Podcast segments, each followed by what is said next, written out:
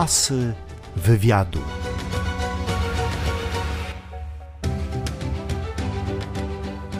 Włodzimierz Kowalewski, pisarz, nauczyciel języka polskiego w wiejskich szkołach, czyli wiejski nauczyciel. Byłem kiedyś wiejskim nauczycielem także. Później byłem nauczycielem no, w szkole powiedzmy Gałczyńskiego. stopnia, tak.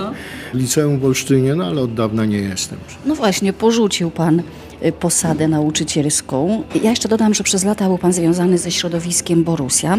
Ukończył pan filologię polską na Uniwersytecie imienia Mikołaja Kopernika w Toruniu. Dobre studia, dobra kadra naukowa w Toruniu, prawda? Kogo pan wspomina z sentymentem? Wtedy, kiedy, kiedy byłem studentem, no to były tam jeszcze legendy uniwersytetu, legendy y, filologii polskiej.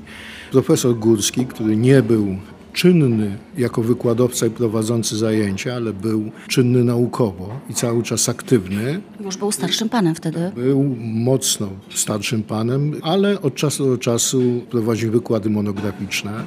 Profesor Artur Hutnikiewicz to była szczególna gwiazda filologii polskiej i uniwersytetu. Wtedy, można powiedzieć, w rozkwicie swoich sił, swojego potencjału naukowego. No i także inne postacie, czasami takie, które nie wspominam zbyt dobrze, albo czasami postacie bardzo kontrowersyjne. Na przykład Janusz Kryszak, o którym napisałem opowiadanie, jeszcze nie, nie, nie opublikowane. No tak, Janusz Kryszak rzeczywiście postać kontrowersyjna. Sporo się nie tak dawno o nim mówiło i pisało, ale spuśćmy zasłonę miłosierdzia, rozmawiamy o Panu. Interesuje mnie życie... Odsyłam, odsyłam do mojego opowiadania pod tytułem Dmuchawiec. Ono się ukaże pod koniec roku w jednym z ważniejszych czasopism, a potem może w książce. Także jeżeli słuchacze będą zainteresowani, to będą sobie mogli przeczytać o tej kontrowersyjności. Interesuje mnie życie studenckie lat 70., czyli okres pańskiego studiowania w Toruniu, życie kulturalne. Pan był współzałożycielem takiej grupy poetyckiej Zamek Nieszawski. No, akurat modne były wtedy grupy poetyckie, było wiele grup poetyckich, nawet już nie pamiętam nazw. Właściwie w każdym ośrodku większym kulturalnym istniały takie grupy. Zresztą te grupy poetyckie w jakimś sensie zmonopolizowały literaturę w tamtym czasie, tak zwaną młodą, czyli literaturę młodszego pokolenia. Choćby sławna grupa Teraz w Krakowie, która zapoczątkowała w poezji ruch nowej fali. Czy jeszcze wcześniej grupy związane z orientacją poetycką hybrydy czy powiedzmy takie zapomniane zjawiska literackie, bardzo ciekawe, jak krakowska grupa poetycka Tylicz. No, grupa teraz to wielkie nazwiska poezji, takie jak Adam Zagajewski czy Julian Kornhauser, no, nazwisko znane skądinąd obecnie. Możemy dodać, bo może nie wszyscy kojarzą to nazwisko, że jest to ojciec pani prezydentowej Agaty Dudy Kornhauser. Tak, zgadza się. Znakomity poeta. Jeden z twórców poezji konkretu, autor kilku fundamentalnych książek, jeśli chodzi o samą konstrukcję czy formułę poetycką. Panie Włodzimierzu, no poezja poezją, ale gdzie wódkę piliście? O, wódkę piliśmy w akademiku. Na Bielanach? Ja mieszkałem chyba we wszystkich akademikach toruńskich ówczesnych, poza akademikiem numer 11, który był akademikiem małżeńskim. Małżeńskim. Małżeńskim. Żeńskich akademików nie było wówczas. Były akademiki, które nazywa, określano mianem koedukacyjnych. Prawda? Jeżeli w akademiku miała miejsce jakaś koedukacja, no to można było je właśnie tak, tak nazwać. A więc wódkę piliśmy w akademiku, wódkę piliśmy także w lokalu artystów, który się nazywał Azyl. To już jest legendarne miejsce, zresztą w opowiadaniu pod tytułem Dmuchawiec właśnie, które się ukaże, opisuje również Azyl. Czy już funkcjonowały kluby Odnowa, Imperial? Oczywiście. Klubie Odnowa i w klubie Imperial szczególnie, to, jest, to są Bielany, piliśmy piwo, jeżeli już pyta pani o, o trunki. Bodajże mocniejszych trunków tam nie sprzedawano. Klub Odnowa jest legendarnym klubem toruńskim. To jest chyba pierwszy, najstarszy klub studencki, który ma swój rodowód jeszcze pod koniec lat 40. czy na początku lat 50. Bardzo wcześnie grano tam jazz, Za moich czasów, kiedy ja byłem studentem w drugiej połowie lat y, 70., grano tam również muzykę jazzową, ale tę taką bardziej progresywną, muzykę jazz rockową. Zapraszano zresztą gwiazdy tej muzyki. Przyjeżdżały takie zespoły jak Laboratorium, czy y, zespoły już bardziej rockowe jak Krzak w tamtym czasie, w latach 70. No a potem, kiedy kończyłem studia, Odnowa była jednym z miejsc, których pojawił się polski punk rock. Występowały tam kapele czy załogi w gwarze Ciechowski już? Ciechowski? Punk-rockowskiej, y, punk-rockowej można to, y, to określić, y, z całego kraju. Ja specjalnie nie przepadałem za tą muzyką, ale dane mi było widzieć na żywo walka Dzedzeja. Walek Dzedzej był legendarnym twórcą polskiego panka, nieżyjący, już umarł gdzieś na emigracji w Nowym Jorku, w jakichś dziwnych okolicznościach. Natomiast wtedy był właśnie tym muzykiem progresywnym, punkowym, charakteryzującym się nie tylko strojem, który był odmienny od y, takiego pseudohipisowskiego dress jaki, jaki wtedy obowiązywał, ale także oczywiście muzyką. Śpiewał falsetem. Te nagrania są dostępne, można, można je znaleźć w internecie. Natomiast jeśli chodzi o Grzegorza Ciechowskiego, no to tak się złożyło, że mm, on był moim kolegą z roku. Znałem go, oczywiście od razu zastrzeżono. No, zwykle tak jest, że kiedy wybitna postać umiera, to zaraz się znajduje mnóstwo, Mnóstwo przyjaciół, najbliższych, prawda, najbliższych powierników i tak dalej. Nie byłem przyjacielem ani nawet kolegą Grzegorza Ciechowskiego. Znaliśmy się z roku. Kilka razy ze sobą rozmawialiśmy. Rok liczył bodajże 120 osób, y, z tego było tylko 12 studentów, reszta to dziewczyny. No, pod, pod tym względem było bardzo fajnie, no ale my oczywiście y, dlatego lepiej się znaliśmy. A więc y, znałem Grzegorza Ciechowskiego jeszcze przed Republiką. Był szczególnym człowiekiem, wyróżniał się spośród nas. Wyróżniał się na przykład strojem, sposobem bycia. Grzegorz Ciechowski był zawsze taki, taki schludny, kategoryczny, taki, był taki mocny mężczyzna, w odróżnieniu od nas, no, którzy żyliśmy w takiej rozmemłanej, właśnie hipisującej y, y, rzeczywistości. Długie włosy, y, swetry wyciągnięte, koraliki, jakieś płaszcze do kostek i tak dalej. Te sprawy Grzegorz, Grzegorz Ciechowski no, był, był tutaj zupełnie innym. Pamiętam na przykład, że raz skłóciłem się z nim o muzykę. Było to w kawiarni y, toruńskiej pod Atlantem, nieistniejącej już. Zaczęliśmy sobie rozmawiać o muzyce, piliśmy piwo. No i właśnie ja byłem y, fanem takiej, nie, takiej muzyki rockowej, nieco starszej, klasycznej, typu King Crimson, Pink Floyd i tak dalej. Grzegorz natomiast już wtedy wyciągnął skądś, no w Polsce w tamtym czasie nie było to łatwe, czy dostał nagrania nowego zespołu, jakim była The Police. No i właśnie pamiętam ten jego głos charakterystyczny nad stolikiem, ten taki właśnie niski. Człowieku, zobaczysz, policja to jest rewolucja, policja to jest rewolucja, taka będzie muzyka. No i rzeczywiście, no wbrew temu, co mówią niektórzy krytycy muzyczni, ja oczywiście tu nie uzurpuję sobie prawa do jakiejś muzycznej wiedzy wyższego rzędu, ale wbrew temu, co mówią ci krytycy, ja słyszę w późniejszych nagraniach Republiki jakieś echa wcześniejszych płyt Police. Choćby ten rytm, prawda, ta surowość pewna muzyczna. Asy wywiadu. Przejdźmy do pańskiej twórczości. Czy za debiut uznaje pan tomik Idę do ciebie spod sklepionego łuku? Tak, tak, tak. tak. No, to rzecz, rzeczywiście był debiut, chociaż ja specjalnie się do tamtego czasu, czy do tamtych wierszy nie przyznaję. No, było to bardzo młodzieńcze, bardzo naiwne. Czymś trzeba zadebiutować. No czymś trzeba zadebiutować, tak. Ten mój właściwy debiut prozatorski to był dopiero rok 1993 i cienki zbiorek opowiadań pod tytułem Cztery opowiadania o śmierci. Natomiast wtedy rzeczywiście, no to był rok 1981. Taki tomik się ukazał w serii kilku tomików y, młodych poetów y, z Torunia, związanych właśnie y, z uniwersytetem. Potem były kolejne powieści. Powrót do e, Bóg zapłacz, e, zbiór opowiadań Światło i Lęk. E, Za te dwie e, powieści, które wymieniłam, miał pan nominację do e, literackiej nagrody Nike. A ja chciałam zapytać o powieść i film, który potem został zrealizowany na podstawie tejże powieści, który przyniósł panu popularność. Mówię o ekscentrykach. Piękny film wyreżyserowany przez Janusza Majewskiego, główną rolę, no, plejada znakomitych aktorów, między innymi e, Maciej Sztur w roli głównej. Czy pan jako autor powieści, jako współscenarzysta jest zadowolony z tego filmu? No, wspomnijmy jeszcze o nagrodzie w Gdyni. Mogę powiedzieć w ten sposób, że traktuję ten film jako dzieło Janusza Majewskiego. Ja tutaj pisałem tylko scenariusz, reszta należała do reżysera, który zresztą ten scenariusz razem ze mną współtworzył. Mógłbym powiedzieć, że powiedzmy, gdybym ja ten film reżyserował, byłby on uboższy, byłby bardziej zgrzebny, jeśli chodzi o pokazywanie realiów y, PRL-u, no ale z drugiej strony Janusz Majewski jest Januszem Majewskim. Jego realia, jego scenografia, jego klimat po prostu ma specyficzny charakter i on y, również y, funkcjonuje w ekscentrykach, no z czego jestem bardzo dumny.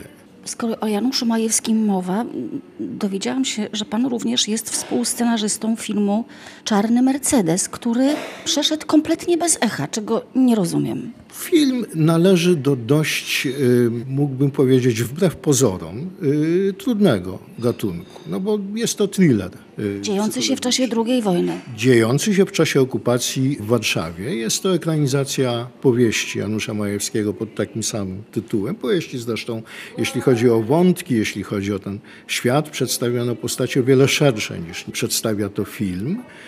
Ja sądzę, że po prostu nie trafił on do y, współczesnych miłośników tego gatunku. Że oni oczekują jednak czegoś, czegoś innego, oczekują krwi, oczekują rzeczywiście jakichś no, niebywałych scen brutalnych, czy pokazujących zbrodnie, czy pokazujących jakieś wyrafinowanie oprawców. Natomiast tutaj no, był to film właściwie o grze namiętności. To były zbrodnie dokonane z namiętności. Nie będę już tutaj się y, wgłębiał w, w tok akcji Czarnego Mercedesa, dlatego że y, no, mam nadzieję, że Państwo słuchający mnie w tej chwili jeszcze się skuszą i ten film zobaczą. On jest na Netflixie, jest, jest po prostu dostępny.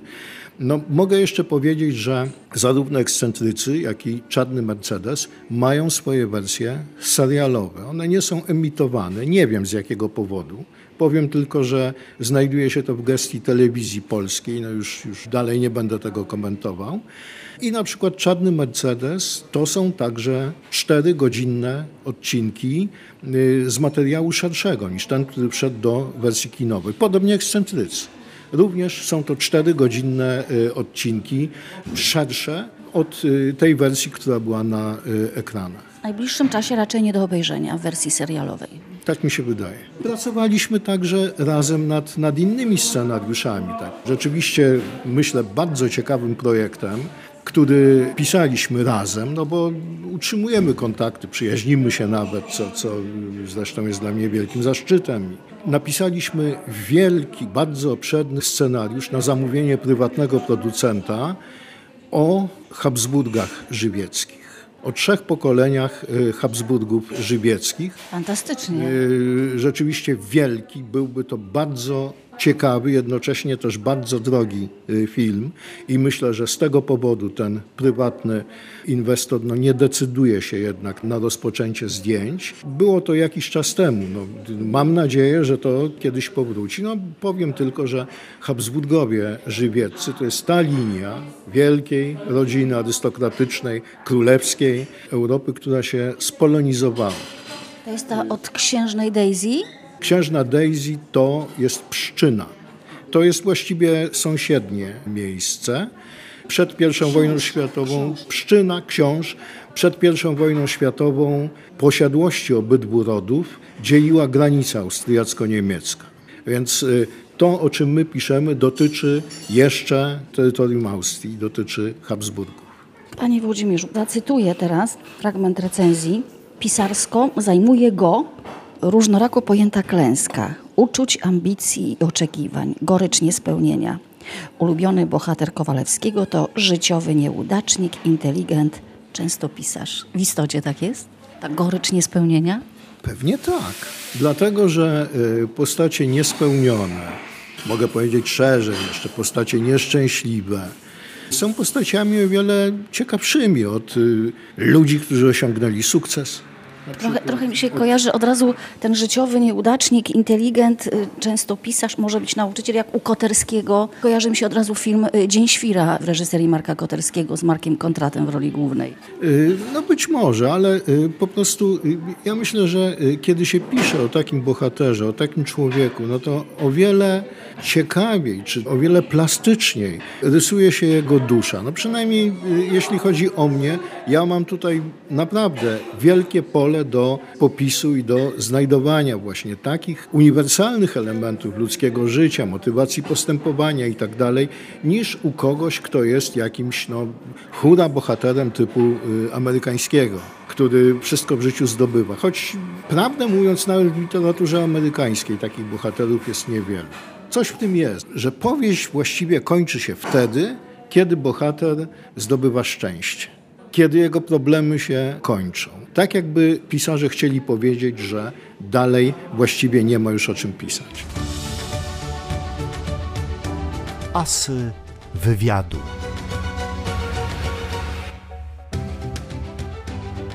Teraz pisze pan dwie powieści aktualnie. Ja muszę powiedzieć, że to zaangażowanie, praca bo z filmem wybiło mnie z rytmu. To jest coś y, złego. Trzeba o tym powiedzieć. Było zresztą kilku pisarzy takich, na, nie będę tu wymieniał nazwisk, dobrze się zapowiadających, którzy przez to, że ich y, scenariusze ekranizowano, że funkcjonowali po prostu w kwestiach dotyczących y, y, filmu, produkcji filmowej i tak Bo to jest wciągające. Jest to wciągające, to, to wybiło z rytmu. Pisanie prozy nie jest jakaś wielka filozofia, jeśli chodzi o otoczenie samego tego pisania. To wymaga spokoju, jakiegoś wyciszenia się, poświęcenia wyłącznie tylko temu, co, co się chce zrobić. Nic więcej. Niczego więcej do tego nie potrzeba. Ja rzeczywiście mówiłem o tym, że pracuję nad dwoma powieściami. Jeden pomysł zarzuciłem. Miałem pomysł powieści o żonie Edwarda Śmigłego-Rydza, marszałka Polski, tragicznej postaci roku 1939, o którym jedni mówią, że był zdrajcą, a inni mówią, że był bohaterem, który chciał y, odbudować armię y, po wojnie. Jego losy jego żony były również tragiczne. Jeśli chodzi o Rydza Śmigłego, nie znamy tak właściwie okoliczności jego śmierci. To są tylko jakieś historyczne wersje, które są nie do podważenia, nie do obalenia, występują tylko hipotezy. Natomiast żona Rydza Śmigłego, która spędziła wojnę w Monako, została na początku lat 50. zamordowana. I została zamordowana właściwie tak straszliwie, że znaleziono gdzieś w rzece pod mostem jej tors z obciętymi kończynami, głową i tak dalej. Jest to zbrodnia niewyjaśniona, możemy się tylko domyślać, co się stało, dlaczego tak się potoczył jej los. A czemu pomysł poszedł w kąt? Dlatego, że mnie przerósł. Za dużo było prawdziwych faktów, o których trzeba by było pisać. Za dużo było postaci autentycznych, które tutaj występowały. Ja na przykład y, po prostu sumienie mi nie pozwala na to, żeby autentyczne postacie jakoś zbywać, wymyślać to, co było udziałem ich życia, jakieś wydarzenia i tak dalej.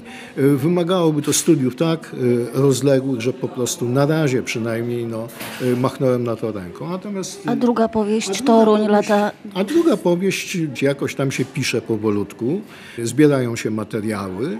To jest powieść, która się rozgrywa w Toruniu przed wojną, a potem w czasie wojny, w czasie wojny, w niemieckim jeszcze Olsztynie. Jest to powieść, która mówi o gorącym romansie polskiego dziennikarza radiowego z niemiecką aktorką. No już brzmi nieźle, panie Włodzimierzu, brzmi już nieźle. Pisarz nigdy nie odpoczywa, nie ma wakacji, musi myśleć o przyszłych tekstach, o postaciach, o sytuacjach. Cytuję pana. Jest to prawda. To znaczy ma długie wakacje, jeżeli nie myśli o tekstach, jeżeli nie myśli o scenach. Zresztą te długie wakacje, im bardziej są długie, im bardziej się przedłużają, tym są bardziej zabójcze dla, dla pisarza. A pandemia? Pandemia sprzyja pisaniu. Pandemia zamyka w domu. Ja y, nie słyszałem, wielu pisarzy się wypowiadało właśnie y, w czasie pandemii. Nie, nie słyszałem, żeby którykolwiek narzekał na pandemię. E, Czy pan ma jakiś taki swój rytm pracy, jeśli pan już jest e, zaangażowany w dany projekt? Jakieś godziny, że wstaje rano, gole się pije kawę? Kropny mam rytm pracy. No kiedyś oczywiście, kiedy, kiedy byłem młody, no to w taki sposób pracowałem. No pracowałem bez przerwy. To, to jeżeli byłem już w tym toku pisania, no to nic się nie liczyło, więc pisało się w nocy przede wszystkim, w jakimś, no, każdym wolnym czasie, no przecież też pracowałem jako nauczyciel, też nie było, nie było to takie proste. Natomiast teraz, no, mam nawet kłopoty ze wzrokiem od, od komputera. Już y, namyślam się, czy by nie wrócić do jakiegoś tradycyjnego sposobu pisania, ponieważ nie daję rady z takim pisaniem. No, myślę, że bardzo zmieniło sytuację pisarza, szczególnie autora opowiadań, autora, autora prozy w ogóle, powieści. Właśnie bardzo zmieniły możliwości, które daje internet. I czasami jest to też zabójcze, dlatego że kiedyś, po to, żeby znaleźć jakieś informacje, jeszcze kiedy pisałem ekscentryków, to, to tak było, trzeba było dużo czasu spędzać w bibliotekach, przerzucać roczniki czasopism, znajdować jakieś książki i tak dalej. Teraz wszystko pozornie jest na wyciągnięcie ręki, ale to jest Ale tylko... to jest po- taka Wikipedia. to jest taka Wikipedia, no to są najprzeróżniejsze informacje właśnie, ale to też ma działanie zabójcze, no bo chce się więcej, więcej i więcej. Pozyskuje się jakieś informacje. One budzą wątpliwości, szuka się dalej. Potem nie ma się spokoju, czy wplotło się, czy się określiło coś prawidłowo, czy nie ma tu jakiegoś błędu, czy nikt się nie będzie z tego śmiał. A więc to, to są takie troszeczkę zgubne meandry internetu. No a poza tym jest też mnóstwo ciekawych rzeczy, które są poza internetem. A więc bibliotek nie można przekreślać i książek. Asy wywiadu.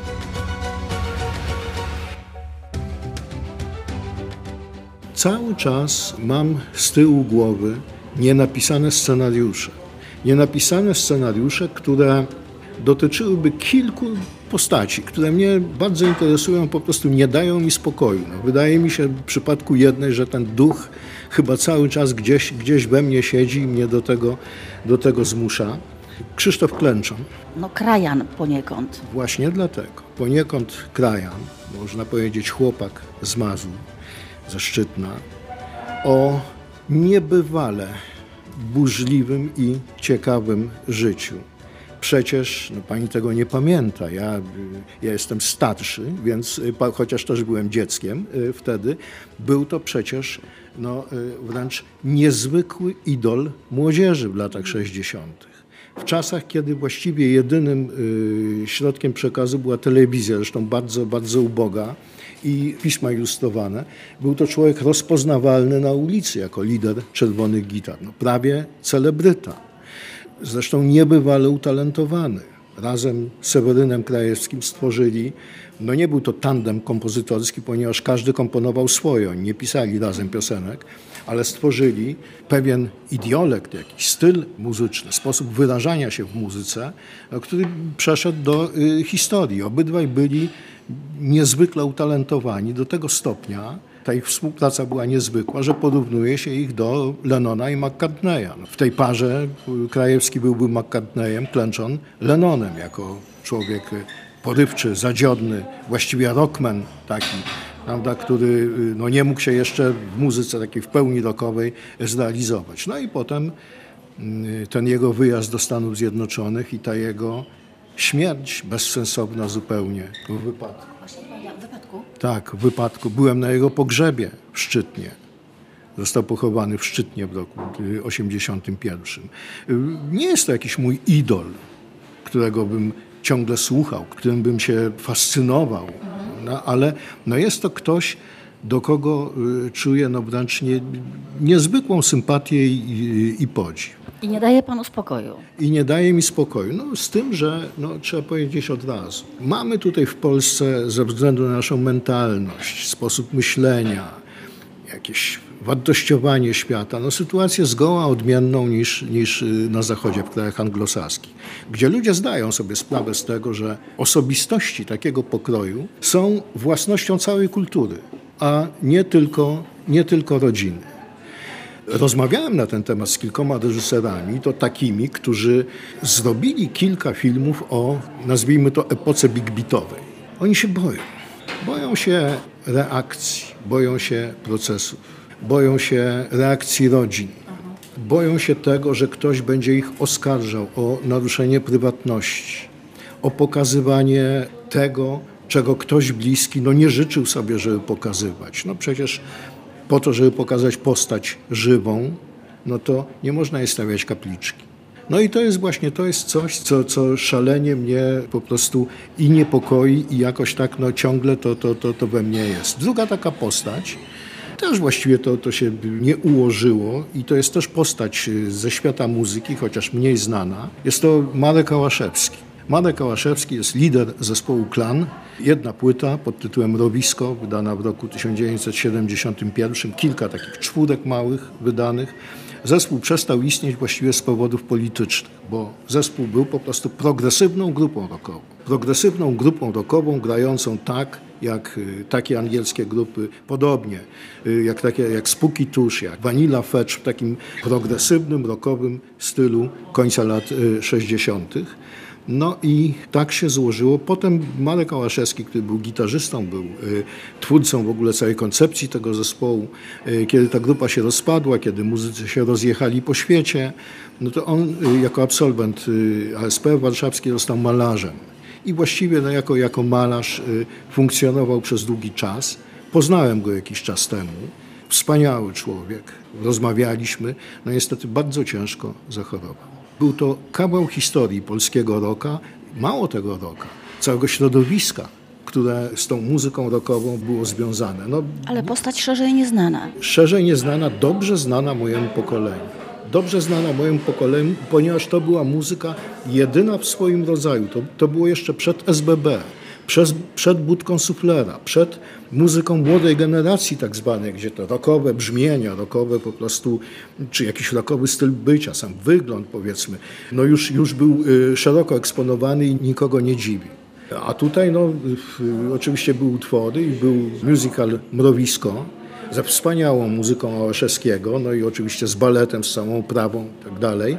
Zostało to zapomniane.